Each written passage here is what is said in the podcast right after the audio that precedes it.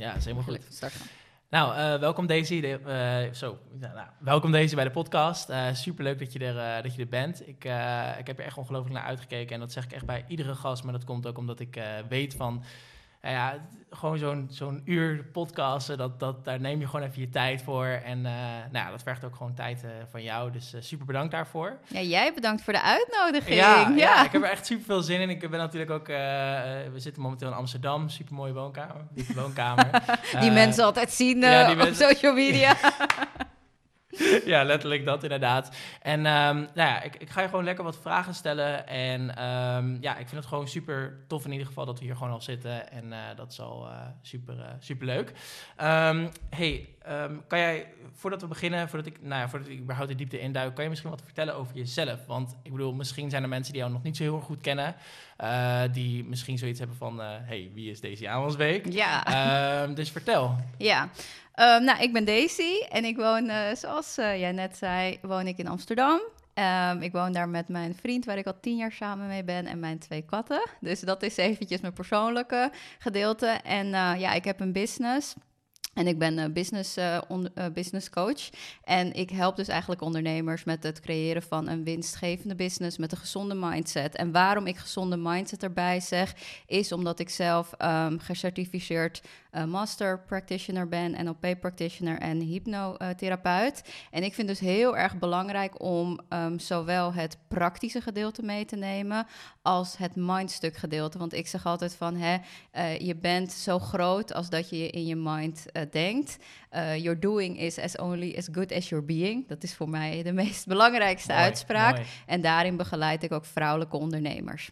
Ja, ja leuk. Want um, je gaf net aan een stukje NLP. Um, Waar, waar is die liefde dan een beetje, een beetje begonnen voor NLP? Want jij, jij, ik, ik weet natuurlijk ook wel, ik heb natuurlijk een klein beetje over jou gelezen. Jij vindt neuromarketing NLP is echt jouw, ja. jouw ding, dat is echt jouw liefde. Ja. Waar, waar is dat dan precies, uh, precies allemaal ontstaan? Nou, het is heel grappig, want ik heb eigenlijk altijd, voordat ik, um, ik ben al heel oud Menno, dus ik ga je dat nu vertellen. Ik ben al heel oud in vergelijking met jou, dus nu komt vroeger. Vroeger, ja, ja, ja. Nee, um, ik, uh, ik uh, moest een vak kiezen op school en ik wilde heel graag psychologie gaan studeren. En ik weet nog dat uh, mijn vader toen zei van ja, maar daar valt veel, geen geld, niet zoveel in te verdienen. En je moet uh, bijzondere dingen doen en dat soort dingen. En toen zei hij van wat je beter kan doen is dat je, weet je, dat het is, het, het is, niet, uh, het is niet grijpbaar, zeg maar. Wat hij dus tegen me zei, weet je wat je kan doen? Je kan beter advocatuur ingaan. Dat is echt letterlijk wat hij tegen me zei. Ja, en ik was toen nog heel erg jong en ik dacht van ja, nou ja, hij zal het wel weten en weet je, dat soort dingen. Dus eigenlijk ben ik dus rechten gaan studeren.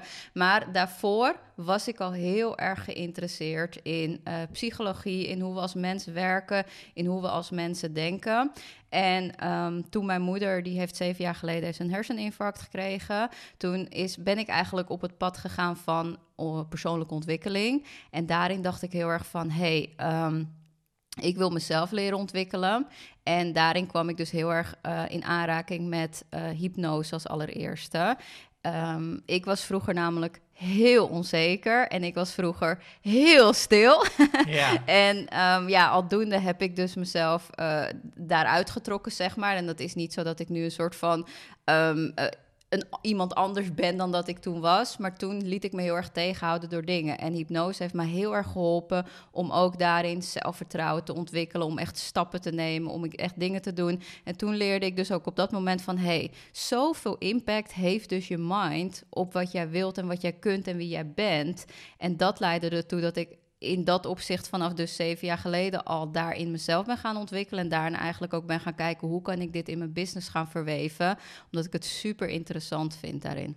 Ja, want merk jij ook dat bijvoorbeeld uh, door deze specialiteit nou ja, in, in NLP hè, en, en, en je kennis in, over het brein, merk je dat ook daardoor ja, uh, uh, dat, dat je daarbij je coaches echt op meerdere levels beter kan, uh, kan begrijpen, ja. maar ook kan ondersteunen? Ja, 100 procent. Ik weet ook nog wel dat ik toen ik begon um, met, met coachen, toen had ik dus nog geen NLP uh, en hypnose en ik had wel coachingsvaardigheden, maar nog niet, weet je, die diepte, die diepte zeg maar die ik nu heb.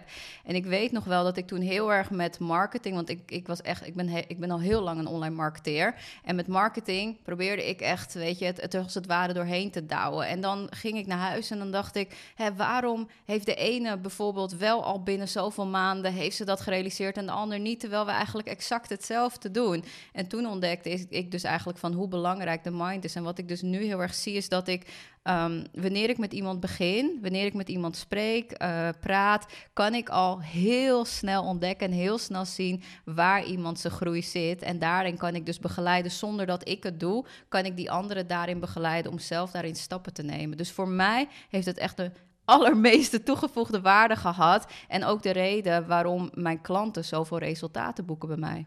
Ja, mooi, mooi. En dan, dan, dan zeg je hè, van uh, in principe van ik, uh, als ik het goed begrijp, van ik, als jij bij mij komt, dan ben ik super goed in jouw beperkende overtuigingen te zien, maar ook waar de groeikansen voor jou vooral liggen. Um, want um, uh, heeft dat dan ook te maken met bijvoorbeeld een stukje um, dat men, als mensen bij jou komen en ze laten eenmaal die beperkende overtuigingen los, ze laten eenmaal dat stukje nou ja, dat, dat, dat, dat, dat stukje groei wat ze, wat ze nog mo moeten doormeemaken, uh, als ze dat eenmaal losmaken uh, of loslaten, zorgt dat er dan ook voor dat ze veel relaxer gaan ondernemen, veel meer omzet gaan realiseren, maar ook, ook gewoon nou ja, ontspanner door het leven heen gaan. Klopt, klopt dat een beetje? Ja, het heeft twee, twee kanten, denk ik eigenlijk. De eerste is dat als ondernemers bij mij komen, dan hebben ze een idee van: hé, hey, ik wil iets gaan doen. En waar ik hen in begeleid is eigenlijk om die stap nog groter te denken. Dus um, ik heb daar ook wel eens een compliment van een klant van mij van gehad. Die, uh, ik weet nog dat ik bij haar kwam en zei um, bij het uh, voorstellen dat ik met haar even afsprak en dat ze even wilde aftasten van hè, ben jij de uh, business coach voor mij die ik wil hebben. En toen zei ze tegen mij van toen draaide ze geloof ik drie ton, 3000 euro per maand of zo. En toen zei ze tegen mij van deze, ik wil eigenlijk naar de ton omzet en meer. Alleen um, is dat wel mogelijk? En ze wist wel ergens diep van binnen dat het mogelijk was. Alleen, ja, toch vond ze het spannend, zeg maar. En toen zei ik van, ja, waarom niet? Weet je wel? Dus ik zat echt van, ja, weet je, ik zie er geen probleem in, dus waarom niet? En met jouw business kunnen we dat binnen een half jaar doen, weet je? Dus dat soort dingen.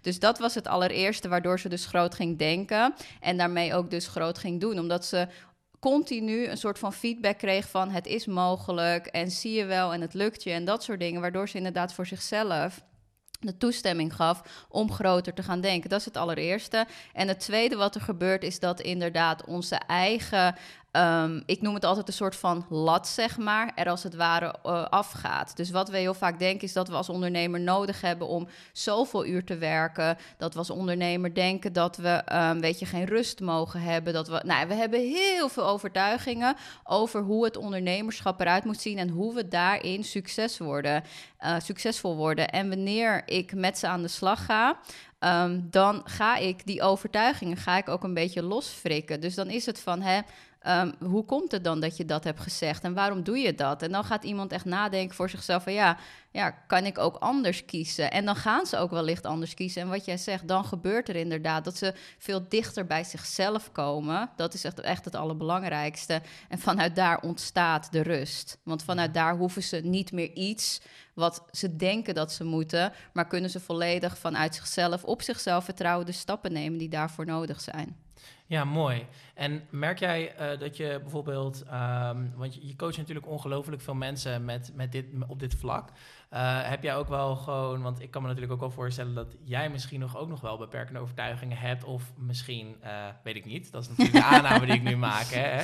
Maar um, ja, dan, kom ik gewoon concreet tot de vraag van, heb jij misschien nog toevallig op dit moment beperkende overtuigingen, of heb jij dingen waar je momenteel in je leven mee zit van, oei, dat is misschien nog wel iets waar ik mee worstel, of dat ik lastig vind? Ik geloof dat iedereen in zijn leven ja, beperkende overtuiging heeft. Normaal. Ja, ja, dat is normaal. Maar... Het is heel grappig, want ik had het daar ook laatst met de klant over. En die zei ook tegen mij van deze... Bij jou lijkt het inderdaad alsof, uh, weet je, jij daar geen last van hebt... en het gaat zo en dat soort dingen. En dat is per definitie niet zo, want we hebben er altijd last van. En de allergrootste um, overtuiging of het gevoel dat we niet hebben, wat, wat, wat er bij ons ligt, is het gevoel van dat we geen erkenning hebben of dat we niet goed genoeg zijn, zeg maar. Dat zijn vaak de dingen die uiteindelijk, al pak je alles, als zegt iemand ik heb dat of dat of dat, komen ze neer op, weet je, dat soort dingen. En ik heb dat zelf ook nog wel hoor, dat ik uh, niet, niet erkenning of zo, maar wel van dat ik soms op sommige momenten kan er in me opkomen van, oh ja, ben ik wel goed genoeg, zeg maar. Alleen het verschil tussen ehm, tussen mij en bijvoorbeeld iemand die het ook heeft, die bijvoorbeeld daar zich door laat leiden, is dat ik me daar niet door laat leiden. En ik heb echt een heel hoog reflectievermogen. Dus wat er dan gebeurt, is dat ik zeg van oké, ehm, klopt dit inderdaad? Is dit zo? En dat zijn eigenlijk de uh, vragen, vier vragen van Byron Katie. Maar ik, ik ga er dan heel snel doorheen in mijn mind van oké, is dit waar? Als dit waar zou zijn, uh, als dit niet waar zou zijn, wat zou ik dan anders hebben gedaan, zeg maar. En op die manier werk ik er eigenlijk heel snel doorheen, waardoor ik, als ik er last van heb, want ik heb er echt wel eens last van, maar als ik er last van heb, nou, dan ben ik er ja, waarschijnlijk binnen, nou ja, niet minder dan uh, drie uur of zo, heb ik er last van, zeg maar. Ja. Dus ik laat me er zelf niet door tegenhouden. Dat is het grootste verschil, denk ik, ten opzichte van mensen die ook overtuigingen hebben, beperkende overtuigingen, maar die zich daar wel door laten tegenhouden. Dus het is niet zozeer de vraag: heb ik ze, maar wat doe ik ermee? Ja, ja, ja interessant, interessant. En uh, als je dan bijvoorbeeld, want je gaf het net aan van de vier, de vier vragen. Dat is wel mooi dat je dat uh, mooi, mooi benoemt. Uh, want kan je eens wat meer vertellen over die vier vragen voor de mensen die zich afvragen van wat zijn die vier vragen dan? Want ik bedoel, jij hebt het nu heel erg over die, die, over die vier vragen. Jij, jij, jij krijgt straks allemaal DM's van deze, wat, wat zijn die vier vragen? Kom maar, kom maar naar mij en dan ja, vertel ik het je. Ja, ja, ja, nee, precies. kijk, ik, weet, ik, ik, ik, weet ze in mijn, ik heb ze in mijn hoofd, zeg maar, ik weet dat ze van Byron Katie zijn. alleen ik heb ze naar mijn eigen ding verweven, zeg maar. Oh, ja. Dus Byron Katie vraagt inderdaad van, het eerste is het van... Um, is, is, is dit zo of is dit waar? Is deze gedachte of is dit, uh, is dit waar inderdaad? Uh, en daar ga je dan over nadenken. En dan is het als het uh, niet zou zijn, wat zou ik dan hebben? Dus dan ga je echt nadenken, oké, stel dat het niet waar zou zijn, wat zou ik dan wel kunnen doen? Wat zou het me ruimte geven? Noem het dan op. En dan ga je, volgens mij ga je een nieuwe realiteit creëren. Oké, wat kan ik dan nu doen als het niet waar is om daarin verder te groeien, zeg maar? En wat, wat kan het me geven, zeg maar? Dus dat zijn eigenlijk de stappen waar je doorheen gaat die ik heel erg snel dus neem van oké, klopt het? Dat is ook echt een van de meest gestelde vragen die ik aan mijn klanten ook stel. Ja. Dat ik zeg, is dat zo? En dan kijken ze me echt zo van, huh, weet je of klopt het? Klopt het wat je nu zegt? Wat zeg je nu eigenlijk? En dan zie je ze echt kijken van, ja, wat zeg ik nu eigenlijk? En dan daar doorheen kan je dus doorheen gaan breken en kan je dus gaan kijken van, maar als dit niet waar is, wat kun je, wat voor ruimte geeft het je dan in zoverre om te doen, te denken, te willen wat het is dat jij voor jezelf wenst? Mooi, mooi, echt mooi. Ja, ja ik denk dat je daar echt sowieso 100% uh, als je nu luistert, ga daar echt mee aan de slag. Want ik merk ook wel, als ik, uh, ik, ik stel ze dan inderdaad wel wat anders, zeg maar. Jij, jij hebt dan inderdaad... Wat zijn jouw beperkende zijn overtuigingen, Menno? Ja, ja, gaan we daar nu over hebben? Nee, maar um, ja, het is wel grappig. Dan kunnen we de podcast misschien ja. wel even mee afsluiten. Maar uh, dat, dat, laat ik even voor, voor straks, want ik wil natuurlijk wat, meer, wat meer vragen aan jou stellen. Maar ik, ik, wat, wat ik wilde zeggen is, die reflectievragen, die zijn echt enorm, zeker tijdens als je, als je echt beperkende overtuigingen hebt, heel erg... Uh, super, ja, gewoon heel erg belangrijk om jezelf echt wel uh, te stellen. Um, maar heb jij dan ook bijvoorbeeld dat je um, één keer in het kwartaal bijvoorbeeld, of één keer in de zes maanden echt met jezelf gaat zitten en echt gaat, zeg, uh, echt gaat zitten van oké, wat, wat, wat, wat zie ik nog momenteel in mijn leven? Wat, wat, wat betreft beperkende overtuigingen of, of dingen die me weerhouden van bepaalde dingen. Uh, en wat kan ik daar momenteel aan doen? Heb je daar misschien, uh, heb, ja, doe je daar iets aan? Of, ik vind dat wel interessant. Ja, nou laat ik het nog beter stellen. Ik doe dat dagelijks. Nice, nice. ja, nice. ik doe dat echt dagelijks. Dus ik journal dagelijks. Oh, ja. En daarin heb ik voor mezelf, en het is niet zo, kijk, ik heb voor mezelf vragen gecreëerd die mij helpen. Dus ik kan ze wel delen, maar ik denk dat het voor iedereen anders is. Dus je moet daarin je eigen weg vinden. Maar voor mij ze helpen heel erg vragen als van hè, um, waar wil ik voor staan, wat wil ik creëren, wat wil ik neerzetten, doe ik dat zeg maar. Mijn visie is echt heel belangrijk in alles wat ik doe. Dus dat drijft mij ook in alles wat ik doe om dagelijks op te staan, om dagelijkse dingen te doen, om mijn klanten te helpen, te begeleiden, noem het maar op. Uh, omdat mijn visie veel groter is dan wat ik nu heb. Dus ik ben al een tien jaar ben ik vooruit aan het kijken naar wat het is dat ik wil neerzetten. Maar dat helpt mij wel in alles wat ik doe. En ook dus van hè, continu reflecteren van... Um, ben ik nu de persoon in eerste instantie die die visie kan doorleven? Want wat ik in het begin zei... uh, your being is only as great as your, uh, of your, your doing is only as great as your being. En daarmee bedoel ik te zeggen, je moet het eerst zijn voordat je het überhaupt kunt gaan doen. Want als je het andersom gaat doen, dan zul je altijd vanuit beperkende overtuigingen, zul je stappen nemen. En vandaar dat ik ook al heb gezegd van doen is eigenlijk het aller, aller, aller slechtste advies wat je kunt krijgen. Want als jij gaat doen vanuit dat boxje, en ik, ik, ja, ik werk met een ja, ja, vanuit dat boxje inderdaad van waar je nu in zit, dan kan je alleen maar daar zien. Terwijl als je uit die box gaat breken, dan kan je veel meer mogelijkheden zien. Dus dan kan je echt dingen gaan doen die passen bij de persoon die je daadwerkelijk wil zijn. Dus mij helpt het, en ik doe dat iedere dag, is om eerst naar mijn visie ook inderdaad te kijken van hé, wat is überhaupt mijn visie? En dan mezelf af te vragen, ben ik die persoon nu die um, die visie doorleeft? En zet ik daarin de stappen? En zo nee, wat, wat, wat doe ik dan nu? Wat houdt me nog tegen? En hoe kan ik daar dan mee aan de slag gaan. En dan ga ik daar ook stappen in zetten om dat te doorbreken, om mezelf te herprogrammeren, om die meer, om dichter bij die persoon te komen. Dus ik doe dat op dagelijkse basis en ik zou iedereen adviseren om um, inderdaad, het hoeft niet op dagelijkse basis, maar wel echt op jezelf te reflecteren geregeld, omdat je op die manier steeds dichter bij dat zijn komt in plaats van het doen. En dan wordt je doen wordt veel krachtiger als je vanuit het zijn gaat doen, zeg maar. Mooi, mooi.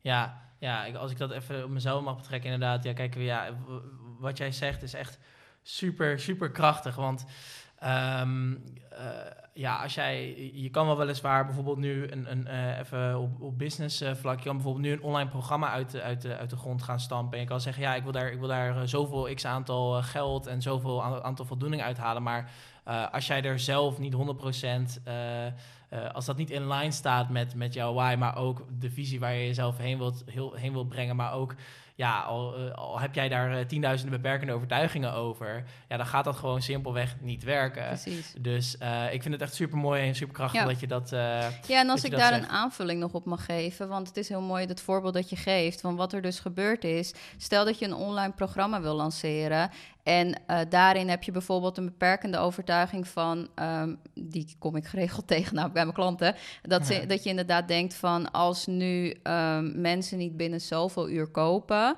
dan um, is mijn programma niet goed, dan is mijn lancering niet goed, dan uh, is er iets mis, zeg maar. Wat denk je dat er dan gebeurt met de stappen die je daarna gaat nemen? Of de stappen worden uh, minder krachtig, want je twijfelt al, je staat al heel wankel. Of de, je neemt de stappen überhaupt niet, omdat je zo erg denkt van ja, zie je wel, mensen zitten er niet op te wachten, uh, dus laat maar. Dus uh, hoe dan ook, wordt het doen wat je doet op dat moment, wordt helemaal geleid door die overtuigingen. Terwijl andersom, als je inderdaad de overtuiging hebt van wat er ook gebeurt, mijn lancering is amazing en hoeveel mensen zich ook inschrijven, I really don't care, dan maakt het niet uit en dan ga je gewoon all out, ga je doen wat je vanaf dat die gedachte doet, zeg maar. En dan zul je misschien wel het veel vaker benoemen, ondanks dat niemand op je afkomt. Of dan zul je um, mensen gaan benaderen en zul je vragen van, hey, ik heb een, uh, ik heb een online programma, heb je dat al voorbij zien komen? Vertel, wil, zal ik je daar iets over vertellen? Want ik ben er zo enthousiast over. Dus daarin zie je het verschil, hoe dat, hoe dat zijn, die twee doenen. Um, zo'n zo, uh, zo verschil daarin kan zijn. En dat is dus wat ik bedoel met pas wanneer je dat gaat zijn, dan kan je ook doen. Want je kan niet doen vanuit dat van die overtuiging hetzelfde doen als vanuit die andere overtuiging. Ja, ja superkrachtig.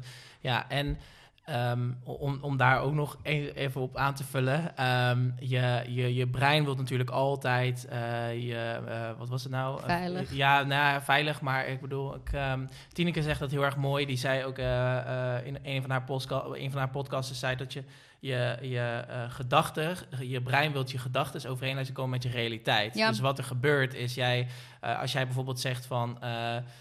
Um, oh, ik heb inderdaad niet dat succes. Ik heb dat programma dat heeft nog geen verkopen. Oh, dat gaat dan helemaal niet verkopen. En wat gaat er vervolgens gebeuren? Je realiteit wordt daar gewoon. Je, je, ja, je probeert daar ook die realiteit van te maken. Dus je probeert het ook echt werkelijk waar, uh, nou ja, gewoon zeg maar te accepteren, bij wijze van spreken, dat het, dat het zo is. Terwijl het eigenlijk in de, het is helemaal nog niet ja, eens zo. We hebben eigenlijk in ons brein hebben we twee uh, systemen die inderdaad onze realiteit laten zien.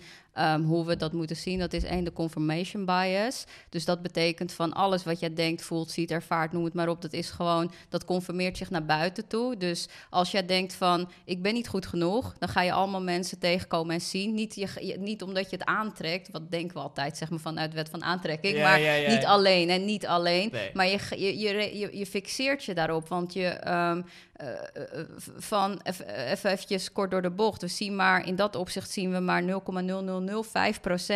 van wat er daadwerkelijk om ons heen gebeurt. Want, en dat is misschien voor de luisteraar heel fijn. Je moet maar eens nagaan. Um, kijk maar eens nu voor je wat je ziet. Ruik maar eens wat je ruikt. Proef maar eens. Kijk, kijk maar je tong waar die nu zit. Kijk maar eens in je omgeving. Kijk maar eens naar je handen. Um, kijk, kijk maar eens om je heen wat je ziet. Zie, als ik al deze dingen zeg, dan pas zie je hoeveel er daadwerkelijk om je heen gebeurt. En als je dat alleen maar continu op je afkrijgt, dan word je helemaal gek. Als je de hele tijd denkt van, oh, wat doet mijn tong? Of, oh, hoe knipperen mijn ogen nu? Of, oh, hoe bewegen mijn handen nu? Dan word je gek. Dus jouw brein, die schakelt alles uit. En dat is de eerste, dat is de confirmation bias. Dus die conformeert aan hetgeen wat je denkt. En de ras, die zorgt er inderdaad voor. Dat is inderdaad van, hè, als jij een auto gaat kopen en je gaat een, uh, tik een Ferrari kopen. En jij denkt, oh, ik ben de enige. Dan opeens zie je twintig Ferraris zie je rijden overal. Dat is omdat jouw um, brein jou helpt om jou, jouw doel te komen. En als jouw doel is, ik wil een Ferrari kopen, uh, omdat ik dat hartstikke fijn vind, dan helpt dat. Want dan zie je alles wat je kan helpen. Want dan opeens zie je dat autobedrijf. En dan zie je opeens de reclames die, die je daarbij helpen. En dan zie je opeens aanbiedingen. En dan hoor je opeens iemand praten op de achtergrond van... hé, hey, ik heb een Ferrari gekocht die super goedkoop was. Dat is heel fijn. Maar andersom werkt het ook. Als jij denkt van, ja, zie je wel, niemand zit op mij te wachten... dan zie je inderdaad opeens reacties van mensen. Dan hoor je inderdaad van dat iemand zegt van... ja, uh, ja die Menno die is eigenlijk helemaal niet zo goed, hè. En dan zie je dat allemaal om je heen. En dat zorgt ervoor dat je daarmee dus in je realiteit blijft hangen. Ja, ja, ja, wow, ja. Ja, mooi, mooi. En um, uh, ik ga hem dan even terugpakken op het, op het stukje business. Uh, jij hebt in 2017 heb jij een, uh, een tekstenschrijfbedrijf gehad. Ja. En dat heb jij toen de tijd, ik weet niet, was het juli of juni onderbij? Ik weet het niet. Nou, juli, ja. Ja, ja, even, goed dat je me even die bevestiging hebt gegeven, dit bij research. Maar um, ik, ik vond het super interessant, want jij hebt dat bedrijf, in principe heb jij gewoon letterlijk gezegd, I burn my boats en ik ga volledig deze kant op. kan, je, kan je eens wat meer vertellen over, over die uh, overschakelen. Want we hebben het nu natuurlijk, natuurlijk gehad over het brein. Um, maar ik denk dat voordat jij al, nou ja, gewoon super hypnose deed, neuromarketing, et cetera, heb je ook natuurlijk als ondernemer zijn een hele grote reis uh, af mogen leggen. Uh, en, uh, en ik denk dat 2017 wel een goed instappunt is daarvoor. Om, ja. ja, ik denk wellicht nog misschien de voor zelfs, oh, ja. omdat ik natuurlijk. Um, in, nou ja, dat zeg ik na, na de herseninfarct van mijn moeder, zeg maar, uh, begon er bij mij eigenlijk heel erg de dag van wat is het nu dat ik wil? En toen ging ik, ik was aan het bloggen en ik blogde vijf keer per, per week, zeg maar, gooide ik een artikel eruit. En toen dacht ik van, oh ja, dit, dit is wat ik wil gaan doen, zeg maar. Zoiets, zo'n, ik had een hele voorstelling van als ik alleen maar mag schrijven, oh, dat is het einde, zeg maar. Ja. Um, nu vind ik schrijven nog steeds leuk, maar wel in een iets andere vorm. uh, dus ik dacht van, oké, okay, nou dan ga ik tekstschrijver worden, weet je wel, dat soort dingen. Dus in, inderdaad van, uh, begon ik eigenlijk in 2016 begon ik als uh, tekstschrijver. En toen kwam ik er na vijf maanden kwam ik erachter van, ja, eigenlijk, ik vind het leuk om voor mezelf te schrijven, maar ik vind het eigenlijk helemaal niet zo leuk om voor andere mensen te schrijven. En dat heeft bij mij, heeft het, het klinkt nu heel erg van, oh ja, jij, jij, uh, in één keer uh, je je boot en ging je allemaal dingen doen. Maar bij mij heeft het echt wel vier of vijf maanden geduurd om door die periode heen te komen van, maar wat wil ik dan eigenlijk wel? En wat vind ik wel leuk? En waar pas ik dan zeg maar in? En um, daarna, toen ik dus inderdaad wist, en dat is inderdaad juli 2017 geweest, toen ik inderdaad tot de ontdekking kwam van, hey, dit is het wat ik wil, door heel veel soul searching te doen, door ook gewoon dingen gewoon te, te, te onderzoeken, uh, door op uh, die aanbod in te gaan, want dan kreeg ik een aanbod van, hey, wil je een bedrijf bijvoorbeeld, wil je, wil je ons helpen met de online marketing? En ik was tekstschrijver en ik dacht, ja, Nee, ik kan het altijd proberen, weet je. Ik kan altijd kijken hoe dat is. Dus op die manier ben ik eigenlijk heel erg gaan ontdekken... wat vind ik nou echt heel leuk? Waar gaat mijn hart van in de fik? En heb ik dus toen ik op dat moment wist van... hey, dit is inderdaad van wat ik nu voel dat goed voelt... heb ik inderdaad gezegd, dan heeft tekstschrijver geen ruimte daarin meer voor... Um, in mijn leven, omdat het me heel veel energie kost. En dan het enige wat ik kan doen is, en zo ben ik wel, ik ben echt wel een alles of niets persoon in dat opzicht. Ik heb mezelf daarin geprogrammeerd, ik ben een alles of niets persoon. Maar ja, ik ben echt in dat opzicht een alles of niets persoon. Um, ik kan niet dingen half-half doen, dat zit niet in mij. Dus toen wist ik al van, als ik geen tekstschrijven meer wil doen, dan heb ik daarvan afscheid te nemen. Dan heb ik gewoon vol 100% um, ehm, daarvoor te gaan. En het gekke is dat ik altijd ergens wel um, een heel diep vertrouwen heb gehad van het komt wel goed bij mij en ik kom wel op de plek waar ik moet komen. En dat heeft mij altijd wel geleid en dat heeft me altijd ook wel geholpen in de keuzes die ik heb gemaakt, de beslissingen die ik heb genomen en uh, de plek waar ik nu sta daarin. Ja, ja en, en merk je toen ook van, uh, toen, je, toen je daarmee stopte, dat, dat er toen ook echt een ongelofelijke burden of je shoulders, zeg maar, werd, werd gedropt, zeg maar, dat je dacht van, hoe, nu kan ik even, even want je, je zei net, hè, ik, ik ging een baan in, een nieuwe baan ging ik in, dat je wel echt dacht van, in die, die aanloop van vier, vijf maanden even uh, genomen, uh, dat je wel dacht van, oh, de, de, het valt nu allemaal op zijn plek, zeg maar. Ik hoor dit eigenlijk niet te doen, want ik krijg er geen energie van. Um, ja, merkt u dat dat wel echt wel heel erg veel energie scheelde, zeg maar? ik zou willen zeggen ja. nee. kijk, weet je wat het was? Um, ik, uh, ik merkte, kijk, dat is het, het, het, het had twee lagen. En de ene laag is uh, persoonlijk wijs, dus van binnen wat er in mij gebeurde, is dat ik inderdaad voelde van, hè, um, ik ben op het juiste pad, ik weet nog niet hoe, maar ik zie wel hoe ik er ga komen. Aan de andere kant had ik de buitenkant en ik nam dus afscheid van al mijn klanten. Um, en dan moet je gewoon denken dat ik rond de 7 tot 10.000 euro per maand omzette. En toen opeens tegen iedereen zei van, hey jongens, Um, ik stop ermee, ik ga iets anders doen. En ik had op dat moment nog niet een soort van uh, opeens tien klanten in de rij die zeiden van deze, ik wil met jou samenwerken. Dus ik viel, op dat moment viel ik wel in een gat. En dat is voor mij wel. Um, die maanden zijn voor mij wel echt, dat, dat, dat, dat neem ik ook altijd mee als ik over mijn klanten leer over money mindset. Die maanden zijn voor mij echt wel een keerpunt geweest in mijn money mindset. Want dat waren echt momenten waarop ik huilend in bed lag. Waarop ik inderdaad dacht, ik weet heel erg goed van binnen dat dit de juiste stap is. Maar ik zie het nog niet van buiten. En het geeft me zoveel angst, onzekerheid. Dat ik nu, weet je, niet eens weet of ik volgende maand wel red. Of dat ik wel kan rondkomen. Of dat ik wel um, nog kan blijven doen wat ik wil doen. Dus aan de ene kant gaf het me heel veel rust. Maar doordat ik mijn hele wereld op zijn kop gooide. Uh, aan de buitenkant gaf het me ook heel veel onrust. Omdat ik gewoon echt niet wist wat ik daarin kon verwachten. Ja, ja. En ben je toen uiteindelijk ook, eh, ja, ik, ik, dat is echt, ja, ik vind dat zo, ik vind dat zo uniek. Want eh, ik zeg tijdens eh, iedere podcast, als ik een bijzondere gast mag interviewen, dan zeg ik altijd van, hè, een ondernemer heeft altijd wel shit, zeg maar. Heeft altijd wel gewoon een shit gehad. Of dat nou een, het eerste bedrijf wat failliet is gegaan of whatever. Weet je, allemaal, dat is in dit geval niet zo. Maar heeft altijd wel gewoon problems encountered, zeg maar, along the way. En als ik dan dit zo hoor, dan denk ik ook van... Ja, uh, uh, deze heeft nu een heel goed bedrijf, maar ze heeft ook gewoon huilend in bed gelegen, weet je ja. wel. Ze heeft ook ja. gewoon uh, financiële zorgen gehad. En, ze heeft, en dat, dat, ik denk dat dat kwetsbare stuk echt super mooi is, super krachtig juist is. Maar wat je zegt ook, het heeft je ook enorm gevormd tot wie jij eigenlijk ja, nu, precies. nu bent. Dus ik denk dat je daarin de keuze krijgt van wat wil ik, wat, wat, wat ga, hoe ga ik ermee om? Ja. Dus en er zijn mensen die, um, dat zie ik vaak genoeg ook even om me heen, die dan inderdaad daardoor crumbelen en daardoor zeggen van, nou dan ga ik maar weer in loondienst of dan ga ik meer wat doen of noem het maar op. Er zijn ook mensen die zeggen van, oké, dit gebeurt er, dus ik ga uh, inderdaad wel eventjes ander werk doen, maar ik ga zeker mijn dromen nog achterna. En er zijn ook mensen die denken van, ja, ik, zo, zoals ik heel erg had, ja, ik kan niet anders.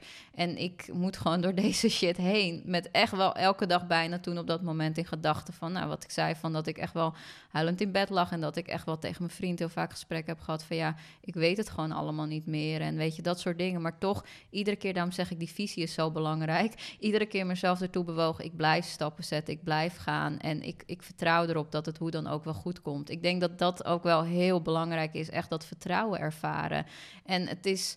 Ehm, dat, dat is niet iets wat ik denk. Ik heb, ik heb er heel lang over nagedacht. Want ik Mhm. zou er heel graag antwoord op willen geven. Ehm, hoe, hoe je zo'n deep-rooted vertrouwen krijgt, zeg maar. Maar als je dat vanaf het begin af aan niet hebt. Ik heb het eigenlijk vanaf het begin af aan gehad dat ik ondernemer was. Dacht ik, wat er ook gebeurt, ik red mezelf wel, zoiets. Ja, ja. Dat heeft mij heel erg geholpen in alles wat ik heb gedaan. Maar als je dat niet hebt, denk ik zeker dat je dat echt moet gaan leren ontwikkelen. Want dat helpt je eh, wanneer je je business gaat groeien. En het is niet zo, dat zeg ik ook wel eens tegen, eh, tegen mensen, dat als je eenmaal goede omzetten draait en het lekker gaat, dat het dan makkelijker wordt. Eh, Ja. ik, voor mijn gevoel, wat ik nu ervaar, wordt er juist nog meer van je gevraagd. Omdat je niet alleen maar gaat nadenken over: hé, hey, wat vind ik leuk of hoe vind ik het leuk? Maar ook gaat nadenken van: oké, maar hoe wil ik mijn bedrijf eruit laten zien en waar mag ik afscheid van nemen en wat mag ik zelf minder gaan doen? Hoe zorg ik ervoor dat ik ehm, mijn business zo duurzaam creëer dat ik niet alleen maar zelf continu erin aan het werk ben, maar op een andere manier daar wel eh, een impact in kan creëren. Dus dan ga je ook keuzes maken die nog veel spannender ook kunnen voelen, omdat ehm, je in het begin van je ondernemerschap en dat nodig ook iedereen uit om te doen. Je veel meer kan spelen. Je kan veel meer spelen. Je kan veel meer ontdekken. Je kan veel meer zeggen: oh, misschien dat, misschien dat, misschien zus, misschien zo. Maar hoe groter je wordt, hoe niet, niet zozeer die speelruimte dat je opeens heel serieus wordt, maar het kan wel meer impact hebben wanneer je keuzes maakt. En het. het ehm, ik heb, ik, daar zit ik nu heel erg in, in de groei van dat ik denk van, hè, als ik die keuze maak, Ehm, je mind gaat dan heel hard zeggen van ja, maar pas op, pas op, pas op, zeg maar. Terwijl je moet er doorheen gaan. Er hangt nu veel meer van af, maar je moet veel engere keuzes maken om verder te kunnen groeien. Ja. Ja, merk je dat dat ook wel la- lastig is? Want ik kan me natuurlijk ook voorstellen als je, als je, als je een, nou ja, laten we gewoon een bedrijf eh, nemen. Mijn klanten voornamelijk, die draaien een ton plus per jaar. Eh, die hebben inderdaad ook wel wat meer, minder die, die speelruimte. Ehm, maar die, wat ik bij hen voornamelijk ook weer terugzie is... eh, dat continu, eh, eh, nou ja, ik zou het niet risico opzoeken noemen, maar wel gewoon Ja. continu confronteren met, oké, weet je, ik, ook al draai deze omzet, fuck it, ik ga alsnog deze keuze Ja. maken en ik accepteer hem. Ehm, eh, merk je dat dat bij jou ook heel erg Ja. van toepassing is? Ja, zeker. En ik merk dat ook bij mijn klanten, zeg maar. En daarom dat ik inderdaad aangeef, ehm, je moet het kunnen dragen. Dus heel veel mensen denken van, oké, als, ik, als ik dat voorbij ben, dan gaat het alleen maar makkelijker. Maar als je dat voorbij bent, dan heb je juist die skills die je hebt opgebouwd daarvoor, heb je juist keihard nodig. Want je wordt er nog nog veel harder in teruggeworpen. Omdat de beslissingen die je moet maken, wat je zegt, veel meer risico's ook met zich mee kunnen brengen. Als ik nu zou zeggen van hé, ik wil ehm, wellicht omdat ik dat nu wil gaan doen, wil ik inderdaad een pand nemen en ik wil daar vijf medewerkers in. Dat is even iets anders dan dat ik misschien drie jaar geleden in mijn eentje, weet je, thuis of zo zat. Dus dat zijn keuzes die je continu ook maakt. En uiteindelijk, als je verder groeit, zit daar ook uiteindelijk meer risico aan vast, precies wat jij zegt. En dan moet je wel kunnen dragen. Ja, ja, ja mooi, mooi. En ehm, als ik het dan, dan mag pakken op het stukje, ehm, op, op het stukje, stukje marketing, want dat is altijd wel, eh, wel, wel iets wat ik altijd aan ondernemers wel, wel vraag. Eh, als, het, als het voornamelijk één, één les is wat jij hebt geleerd binnen in het bedrijf zijnde van hè, eh, dit is wel het essentiële stuk rondom marketing of eh, marketing breed genomen van wat jij precies hebt gedaan in de afgelopen jaren. Want ik hoor jou net zeggen schrijven, content creëren. Dat vind jij heel erg leuk om te doen. Ehm, ja, wat is dan iets waar jij voornamelijk heel erg veel profijt hebt gehad binnen, binnen je marketing dan? Is dat dan een heel erg een stukje waardecreatie of is dat, eh, weet ik veel, het kan ook Facebook ads zijn dat je zegt van, hé, hey, ik heb die ads aangezet en ik heb mijn lijst gegroeid en daardoor ben ik eigenlijk meer in contact gekomen met mijn ideale klanten of ja. Ehm, ik denk dat... eh, ik vind het wel een heel interessante vraag. ik wil gelijk naar het mindset stuk. Maar ja, ja, nee, doe het. doe eerst. Nee, ga- eh, je- mag- Zo je marketing. Ik denk uh, marketingtechnisch is het de copywriting. Ehm, ik geloof erin dat als jij Uh, messaging ook gewoon. Dus dat heeft ook te maken met weten hoe jij naar buiten kunt uitdragen, wie jij bent, wat je doet, waar je voor staat. Um, en dus inderdaad, uh, daarin zit copywriting voor mij. Als je dat heel goed kunt en als je daarin heel krachtig bent, en dat zie ik ook bij mijn klanten. Mijn klanten die um, het snelst groeien, die zijn ook Um, ik noem dat altijd niet zo wollig. We hebben heel veel mensen die heel wollig kunnen schrijven. En ik merk dat wanneer mensen heel erg wollig zijn in wat ze doen, heel erg wollig schrijven in dat soort dingen, dat het veel moeilijker is om klanten aan te trekken dan wanneer mensen echt heel duidelijk hun messaging voor elkaar hebben en dat naar buiten kunnen brengen. Dus ik geloof dat wij copywriting echt enorm onderschatten in ondernemersland. En ik zie het keer op keer terug dat ik krijg zo vaak mijn klanten van mijn klanten complimenten die zeggen: "Oh, je bij jou, jij schudt het er gewoon zo even uit." Ik zie echt wel het voordeel dat ik tekstschrijver ben geweest in hoe ik mijn klanten begeleid, omdat ik heel snel kan zien van hè ik snap helemaal niks van wat je zegt. En daarmee zullen jouw klanten dat ook niet gaan zien.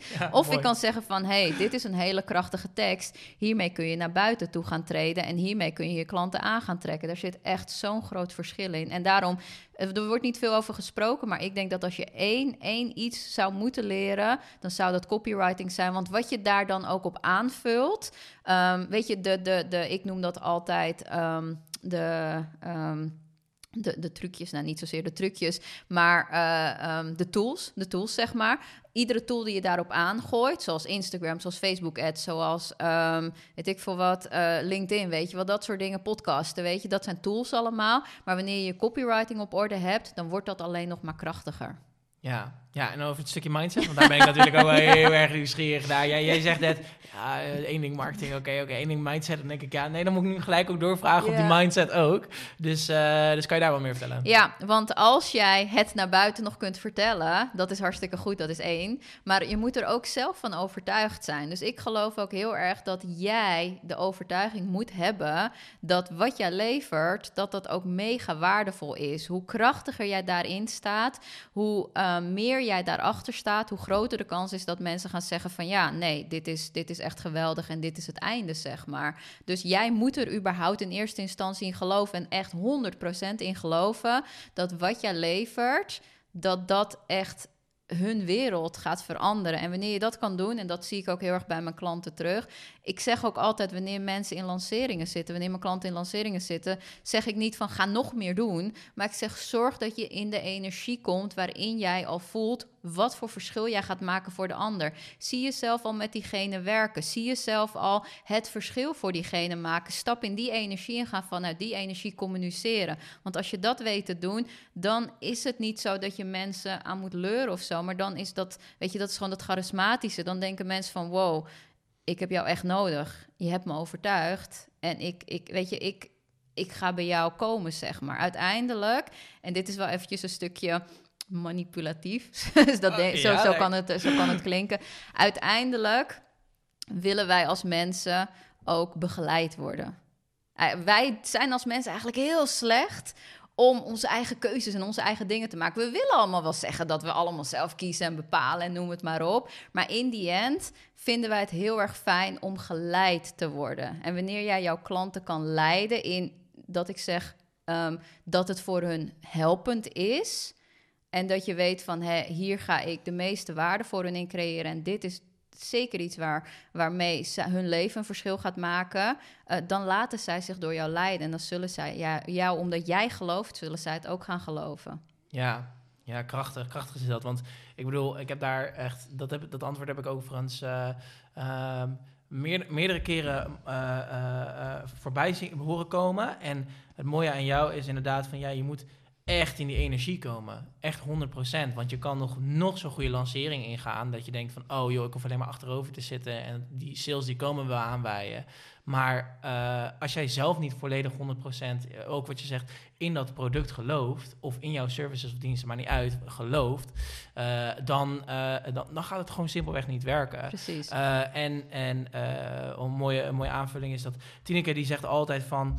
Um, ik betrek weer Tineke erbij voor echt vaak gereden, maar ik citeer haar heel vaak. Maar in ieder geval, zij zegt, uh, je moet gewoon doen, dit is heel extreem uh, uh, genomen, hè. Je moet gewoon doen alsof mensen dodend op de vloer liggen, gewoon aan het bloeden zijn en zo nodig, jouw product nodig hebben om weer tot leven, zeg maar, te komen. Ja, het is heel extreem, maar bij ja, zij, zij noemt dat dan zo. En ik dacht, zo, dat is ook echt superkrachtig. Dus om daarop aan te vullen, het is, het is inderdaad echt essentieel voor het stukje, voor het, voor, voor het stukje zowel lanceren als geloof in jezelf, als ja, dat, dat is gewoon echt, uh, echt super belangrijk. Dus mooi. Um, en, en dan. Um, uh, ik weet niet hoe lang zijn we al bezig. Oh, we zijn al bijna een uur bezig. Joh. nou, dat gaat hartstikke snel. Um, uh, ik, ik, vraag altijd wat, wat jij ziet in, in de ondernemers die je zowel coacht als bij jezelf. Van wat nou precies de, de, de meest voorkomende succesfactoren zijn binnen in ondernemerschap die jij uh, ja, terug ziet komen. Wat dat dan eigenlijk zijn. Of wat dat, dat kan er twee dingen zijn, kan drie dingen zijn, kan één ding zijn. Uh, want jij gaat heel erg op het stukje mindset in. Vind ik heel mooi bij jou. maar wat, wat zie jij, wat, wat zijn een paar dingen waarvan jij, als je denkt van oké, okay, ik moet echt succesvolle ondernemers beschrijven. Wat zijn dan de dingen die jij, die jij daarbij zou noemen? Um, en dan uh, qua marketing, zwaar? Ja, marketing, maar het kan ook een stukje mindset. Hè? Dus uh, als jij zegt van, uh, wat heel logisch zijn, als jij er zelf niet in gelooft, gaat niet werken, bijvoorbeeld. Hè? Dus heel direct uh, uh, gesproken. Ja. Maar ja, het kan van alles zijn eigenlijk. Ja. Nou, wat ik, wat ik wel zie, dat is heel grappig. Want ik, ik, ik, ik zeg ook altijd tegen mensen... ik kan heel snel zien of iemand als ondernemer heel makkelijk gaat krijgen. Als in gewoon dat, het, dat hij alles in zich heeft, dat het gewoon een makkelijke weg gaat hebben. Of uh, dat het een hele lange weg gaat hebben. En waar ze, het hoeft niet lang te zijn, want ze kunnen ook heel snel natuurlijk veranderen en uh, shiften. Um, maar waarvan ik weet van, jij hebt nog wel wat te doen, zeg maar, in jouw groei en in jouw ontwikkeling. Um, ja, want wat ik dus vaak zie gebeuren is dat uh, ondernemers dus die echt, um, die echt gewoon snelle successen boeken, die zijn echt wel snel van het en het keuze maken. Dus ze kunnen heel snel keuzes maken. Het is gewoon zo linea recta van oké, dat doe ik, dat doe ik niet, zeg maar. Uh, ze zijn heel innovatief. Dus um, als ik ze zeg van hé, dit kunnen we doen, dan hebben zij daarna al tien ideeën extra daarop bedacht, zeg maar. Dan denken ze, oh ja, dat kan ik ook doen, dat ook, kan ik ook doen. En dat voeren ze ook daadwerkelijk dan direct uit, zeg maar. Dus dan, uh, dan is het niet zo van dat ze daar nog eens uh, vijf jaar over gaan nazitten denken en alles tot in de puntjes verzorgen. Perfectionisme is overigens echt echt funest voor je groei als ondernemer, kan ik je echt vertellen. Dus um, ik zie dat ook, de, de ondernemers die ik coach, die echt dan perfectionisten zijn, nou, die, die, die hebben echt daarin aan voor zichzelf te groeien en te ontwikkelen, omdat ze anders in stilstand blijven. Uh, zeg niet dat perfectionisme altijd slecht is, maar wel uh, wanneer je als ondernemer stappen wil zetten, groeien wil, noem het maar op. Dus inderdaad, mensen die gewoon snel keuzes maken, um, innovatief zijn, dus uh, één dingetje zien en daar tien ideeën uit kunnen krijgen en dan ook nog eens die stappen nemen. Voor wat betreft uh, echt marketing is het voor mij een stuk consistentie. En ik ben ook echt van de uh, keep it stupid simple, zeg maar. Uh, dus hou het gewoon zo simpel mogelijk, je business. Um, in plaats van dat je 101 dingen gaat creëren. Dan ga je weer die weg en die weg en die weg en dat weet je, dat soort dingen. En dat heeft ook te maken met... Um, komen we terug even op de mind. Dat heeft ook heel vaak te maken met uh, dat het een soort van escape is en een manier is voor je mind om ervoor te zorgen dat uh, je als het ware veilig blijft. Want als je niet iets af hoeft te maken, dan weet je ook niet hoe het eindigt. Dus je mind vindt dat wel prettig, want je kan niet falen. Dus iedere keer dat je dingen niet afrondt, dan zul je ook merken uh, dat het jou een beter gevoel geeft en dat het makkelijker is, omdat je niet hoeft in te gaan op, maar wat als ik het wel afmaak? Um, wij zijn als ondernemers ook heel goed in het bouwen van bruggen. Dus ik zeg hè, bruggen bouwen, maar we zijn heel slecht in het afmaken van bruggen. En ik denk dat de ondernemers die dus snel succes boeken, dat die juist heel goed zijn, ook in het afbouwen van een brug. En dan net zo lang door te gaan totdat die brug helemaal sterk staat, helemaal krachtig staat. En dan denken van, hé, hey, laat ik nou eens de volgende brug gaan bouwen. In plaats van dat ze tien bruggetjes open hebben staan en allemaal nog tot de helft gebouwd zijn. Ja, ja, precies. En daarmee bedoel je ook eigenlijk dat wanneer eenmaal iets 100% werkt, uh, dat, dat, dat, dat hoor ik jou nu zo zeggen, dat je daar dan echt keer 10.000 eigenlijk op bij wijze van spreken gaat. Dus echt als jij ziet van, oké, dit heeft bijvoorbeeld uh, uh, ervoor gezorgd dat ik 10, 20 nieuwe klanten erbij heb gekregen in deze x-periode en ik heb letterlijk dit uitgevoerd, dat jij zegt, oké, alleen nog maar meer daarvan doen omdat dat zeg maar werkt. Ja, precies. En dan moet je wel natuurlijk kijken naar, hè, Ehm, als ik mezelf de vraag zou stellen, uh, als er nu 10.000 nieuwe mensen bij zouden komen, waar in mijn business zou het dan verkeerd gaan? De, die vraag moet je je wel zelf continu af blijven stellen, want je kan wel heel veel hetzelfde doen en je kan wel gaan schalen. Maar stel bijvoorbeeld bij mij, ik heb één op één coaching en ik kan zeg maar zeggen van, oh ja, ik ga schalen en ik ga groeien op een gegeven moment zit ik vol. En dan als ik hetzelfde blijf doen, dan op een gegeven moment zit er een lat. Dus dan ergens moet je wel gaan kijken, oké, ben ik nog wel bezig met het,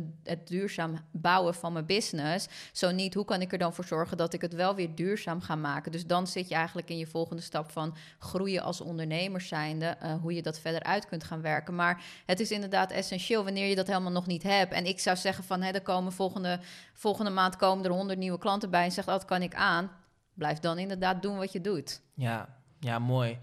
Mooi. En uh, je hebt natuurlijk nu over een klein, klein, stukje, klein stukje schalen. Merk je, dat, uh, merk je dat het nu lastig is in jouw business om te schalen? Maar aangezien je een soort van semi-beperkt bent aan, aan één, één op één coaching. Ik weet nee. dat je programma's daarnaast ook verkoopt. Ja. Uh, maar merk je dat dat niet, niet in de weg van elkaar Nee, elkaar ik vind het juist veel makkelijker om oh, nu te gaan schalen. Ja, het is nu voor mij echt veel makkelijker om te gaan schalen. Kijk, ik heb in mijn hele business carrière heb ik van alles al gedaan. want ik was echt zo iemand die dacht van ik liet me heel erg leiden door wat alle mensen zeiden. Dus in 2017 begon ik met één op één coaching. Maar ik hoorde heel veel mensen zeggen van ja, maar je, het is niet schaalbaar en je kan niet groeien en bla bla bla. Dus ik dacht al na drie, vier maanden, dacht ik, oh, ik moet een online training maken. En oh, ik moet uh, iets schaalbaars. Ik moet een groepsprogramma gaan draaien. Dus in 2018, I did the whole shebang. Weet je, ik heb, ik heb uh, webinars gegeven, ik heb challenges gedaan, ik heb, uh, weet je, ik heb online programma's, ik heb er drie gehad, ik heb groepsprogramma's drie keer gedraaid, zeg maar. Dus I did the whole shebang. Alleen ik kwam erachter, dat is niet wat ik leuk vind. En dat kwam ook vanuit een energie van uh, heel erg hard werken. En eh, ik heb toen niet ton omzet gehaald. Alleen dat was echt vanuit een energie van... Oh, ik moet, ik moet, ik moet, ik moet, weet je, zoiets. Daar kwam ik heel erg achter. En ik merk nu, nu ik... Um, want toen heb ik afscheid genomen van alles... en dacht ik van, weet je, ik ga gewoon lekker één op één werken... en ik ga ervoor zorgen dat ik daar gewoon echt goed in word. Echt heel goed in word. Zodat... Um, de klanten die bij me komen. Want uh, ik had toen in die tijd um, heel erg zo'n gedachte van... zo'n gedachte van... waarom zijn er zoveel business coaches die, weet je wel... die, die maar wat doen, weet je wel. Je betaalt vet veel geld en je krijgt er zeg maar uiteindelijk niet zoveel voor terug als het ware. En daar zijn hele uh, hele, uh, hoe noem je dat, heel veel uh, meningen natuurlijk over. Van ja, het ligt aan jou en blablabla bla, bla en dat soort dingen. maar ik vind ook dat je als business coach, dat, dat is wat bij, bij mij een beetje wrong, wringde, weet je. Want toen dacht ik, oké, ik kan twee dingen doen. Of ik kan, ik kan het me heel erg laten irriteren. Of ik kan er iets aan gaan doen, zeg maar. Dus toen heb ik voor de tweede gekozen. Dat ik dacht van, maar als ik ervoor zorg dat ik een bepaalde standaard neerzet voor mijzelf, voor mijn business en wat ik wil bereiken. En wat ik ook zou willen dat de industrie een beetje heeft dan, dan zal de industrie daarin waarschijnlijk ook wel meegaan. Dan zullen er mensen zijn die misschien ook dat voorbeeld gaan aannemen en waarschijnlijk ook daarin gewoon veel meer gaan staan voor hè, um, we zijn er niet alleen maar een business coach om zoveel mogelijk geld te verdienen, maar we zijn ook een business coach om jou te begeleiden en niet alleen alles op jou af te schuiven, maar ook te zeggen van hè, wij hebben hier ook een stukje verantwoordelijkheid in. Zeg ik niet dat je iedereen die resultaten moet geven, die. Maar je hebt wel daar een stukje verantwoordelijkheid in. Om in ieder geval ervoor te zorgen dat wat je uh, wilt leveren, dat je dat ook kan leveren, zeg maar. Um, maar goed, wat was ik ook alweer aan het vertellen? ja, dus uh, nee. Dus, uh, maar nu merk ik dat ik nu aan het schalen ben. Dat ik daardoor het veel makkelijker vind om te pinpointen waar ik mensen nou mee kan helpen. Maar dat komt omdat ik in mijn één op één werk heel goed ben. Ik weet precies wat ik moet doen. Ik weet precies hoe ik mijn klanten resultaten kan laten krijgen. Maar daardoor weet ik ook, kan ik eigenlijk die, um, dat hele één op één werken, kan ik helemaal bekijken van hé, wat gebeurt daar nou en hoe kan ik ervoor zorgen dat ik daarin dan weer um, mooie diensten creëer die mijn klanten gaan helpen, maar waar ik misschien niet helemaal één op één in zit. Maar dat kan ik juist doen nu nog veel makkelijker uh, helemaal vanuit mijn klant en niet vanuit mezelf gedacht, omdat ik zo lang één op één heb gewerkt. Dus wordt het schalen voor mij alleen maar makkelijker. Ja. ja, merk je dat je ook daar, want dat is misschien wel interessant, voor, want ik heb natuurlijk heel veel coaches en kennisondernemers die hier naar luisteren. Um, uh, is het dan, um, want, want ik kan me natuurlijk wel voorstellen dat voor sommige nou ja, eh, als je echt één op één maatwerk doet, wat jij ook vaak, eh, vaak levert, dat nog wel heel veel mensen bijvoorbeeld de beperkende overtuiging hebben. Wat jij ook altijd, ah ja, shit man, ik moet een challenge geven, ik moet een groepsprogramma geven, dit en dat. Want ik zie natuurlijk tot een bepaald level vol. Ehm, maar ik kan me ook natuurlijk voorstellen dat je bijvoorbeeld als jij eenmaal wilt schalen en je hebt gewoon zoiets van, hè, ik wil die klanten wel opvangen, of ik wil uh, meer omzet gaan genereren met hetzelfde aantal klanten, dat je ook na een tijdje bijvoorbeeld je tarieven uh, moet gaan verhogen en dat soort dingen. Heb je daar nog bijvoorbeeld praktisch advies voor? Want als het dan gaat om het stukje schade, dus niet specifiek alleen maar over je tarieven omhoog gooien of, of dat soort dingen, maar gewoon echt een stukje schade van wat, wat, wat zijn momenteel dingen die jij momenteel toepast in je business. Je noemde net al een paar, waarvan je denkt van, oh, dat is wel de, de, de, de, de, de factor voor mij, waardoor, ik het, uh, waardoor het allemaal zo relaxed, ontspannen ja. eigenlijk mij afgaat. Nou ja, ik geloof er heel erg in dus dat uh, hoe beter jij je klant kent en hoe beter jij weet wat diegene nodig heeft, hoe makkelijker ook het ook is om daar een aanbod op aan te laten sluiten waarvan jij weet van, hé, als ik dit aanbod zo creëer, dan uh, weet ik zeker dat het uh, diegene kan gaan helpen um, op de manier dat het daarvoor is bedoeld. En um, daarin heb je dus ook los te laten wat je waarschijnlijk denkt dat er zou hoe het zou moeten zijn, zeg maar. Ja. Um, want ik, ik had bijvoorbeeld een klant en zij wilde een membership. En uh, ze was helemaal enthousiast en helemaal blij en gelukkig en bla bla bla. En toen uh, had ze het uitgewerkt, want ze dachten toen, ik had haar gezegd van, weet je, wat wil je erin en dat, en dan gaan we gewoon aan de slag. En toen had ze het uitgewerkt, toen kwam ze bij me terug, zei ze, deze, um, ja, eigenlijk wil ik het niet meer. En toen vroeg ik aan haar, oké, wat is dan de reden? Ze zegt, ja, ik heb geen zin om elke week live te gaan. Ik heb geen zin om iedere maand nieuwe content te maken. Toen zei ik tegen haar, wie zegt dat je dat moet doen? En toen keek ze me aan, toen zei ze, ja, ja, dat denk ik. Ik zeg, ja, wat zou jij willen? Ja. En toen begon ze te kijken, ja, nou, ik zou dit en dit en dit en zus en zo. Dus ze had haar hele membership ingericht. Dus wat je ook wil als je gaat schalen, is dat je echt wil gaan kijken, oké, okay, hoe is mijn klant het beste uh, bediend, zeg maar. Dus hoe kan ik hem of haar helpen? En daarin volledig de vorm in eerste instantie loslaten en kijken wat diegene dus echt nodig heeft. En wat diegene dus kan helpen. En daar iets omheen creëren. Vaak pakken we het van de verkeerde kant. Ja. Dat we eerst gaan denken van ik wil een, een, vorm en dan ga ik mijn klant erin gieten. Ga nou ja. eerst kijken naar je klant en ga dan bedenken wat, welke elementen heb ik daarvoor nodig en kom dan met de vorm. En wanneer je dat kunt doen, dan is het veel makkelijker om te schalen, omdat je dan de dienst die je hebt Um, je weet dat het diegene gaat helpen. Uh, dus je staat er weer zelf ook volledig vol vertrouwen, noem het maar op achter.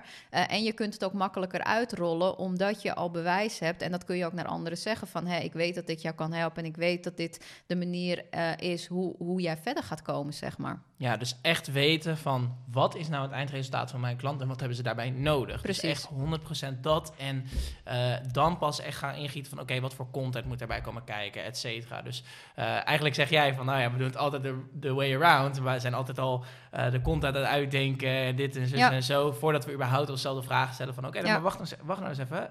Um, wat hoeveel content heeft mijn klant nou werkelijk waar nodig? Hoe behapbaar is dat? Maar ook ja. welk eindresultaat levert ja. dat? Ik maak ook een waardepropositie met mijn klanten op basis van hun customer journey. Ja. Ik maak het niet op basis van uh, wat zij leuk vinden om te verkondigen of wat zij leuk vinden om te doen. Ik kijk echt van hoe gaat het in jouw klantenreis en waar in jouw klantenreis kunnen we slim, zeg maar, die waardepropositie gaan inkleden. Dus waar kunnen we ervoor zorgen dat jij bijvoorbeeld nu dingen doet die je misschien nu helemaal niet hoeft te doen, maar die kun je wel op een andere manier inkleden. En dat zorgt er dus voor dat omdat je vanuit die customer journey je waardepropositie inkleedt en niet zomaar een waardepropositie bedenkt omdat je denkt dat is een lekkere ladder en daar gaan ze lekker doorheen. Nee, dan weet je ook dat ze dat nodig hebben, dat ze daar doorheen gaan en laat je ook daar dus het aanbod op aansluiten. Al is het een groepsprogramma, membership, een online programma, weet ik veel wat, um, die mooi aansluit op datgene waar jij die resultaten voor hen wenst. Ja, ja, cool. En daarom is het dus makkelijker als je al veel meer bijvoorbeeld één op één werk hebt gedaan of jouw klanten door en door kent om je waardepropositie uit te bouwen. Want dan wordt het niet zoiets wat je een beetje uit de lucht grijpt en denkt van hen natte vingerwerk, we zien wel waar we uitkomen. Maar dan ga je ervoor zorgen dat je echt, oké, ik ken mijn klant door en door. Ik zou je zo kunnen vertellen van hoe, wie, wie bij A staat en hoe die bij Z komt. Dus ik weet ook letterlijk welke stukken ik daarin kan pakken om daar een mooie, uh, mooie waardepropositie omheen te creëren. Ja, ja, en om daarop aan te vullen, inderdaad, wat jij, wat jij zegt. Want ik, wat ik nu, uh, er komen heel veel verschillende diverse klanten, klanten bijvoorbeeld bij mij. En ik, ik stel wel eens in een gesprek van uh, de, een hele krachtige vraag van, uh, ja, kan je even de schets doorsturen van, van je ideale klant? En dan sturen ze een schets door van mijn ideale klant. En dan staan er zoveel gebakken, ik noem het gebakken lucht in. Uh, Wat ik zei, wollig. Ja, ja, dat ja, wollig inderdaad. ja, ja, wollig. die ga ik onthouden trouwens voor de volgende podcast. Dus, uh, maar in ieder geval, er staat er zoveel... Uh, ja, houd van, houd van magazines bijvoorbeeld. Hè? Even heel algemeen. Hmm. Ja, houd van magazines of... Uh, vindt het, nou ja, wat, wat, wat zijn haar of, of zijn verlangens? nou, wilt beter in zijn vel komen. Ja. Dat is zo, zo algemeen dat ik echt denk van jongens, kom op.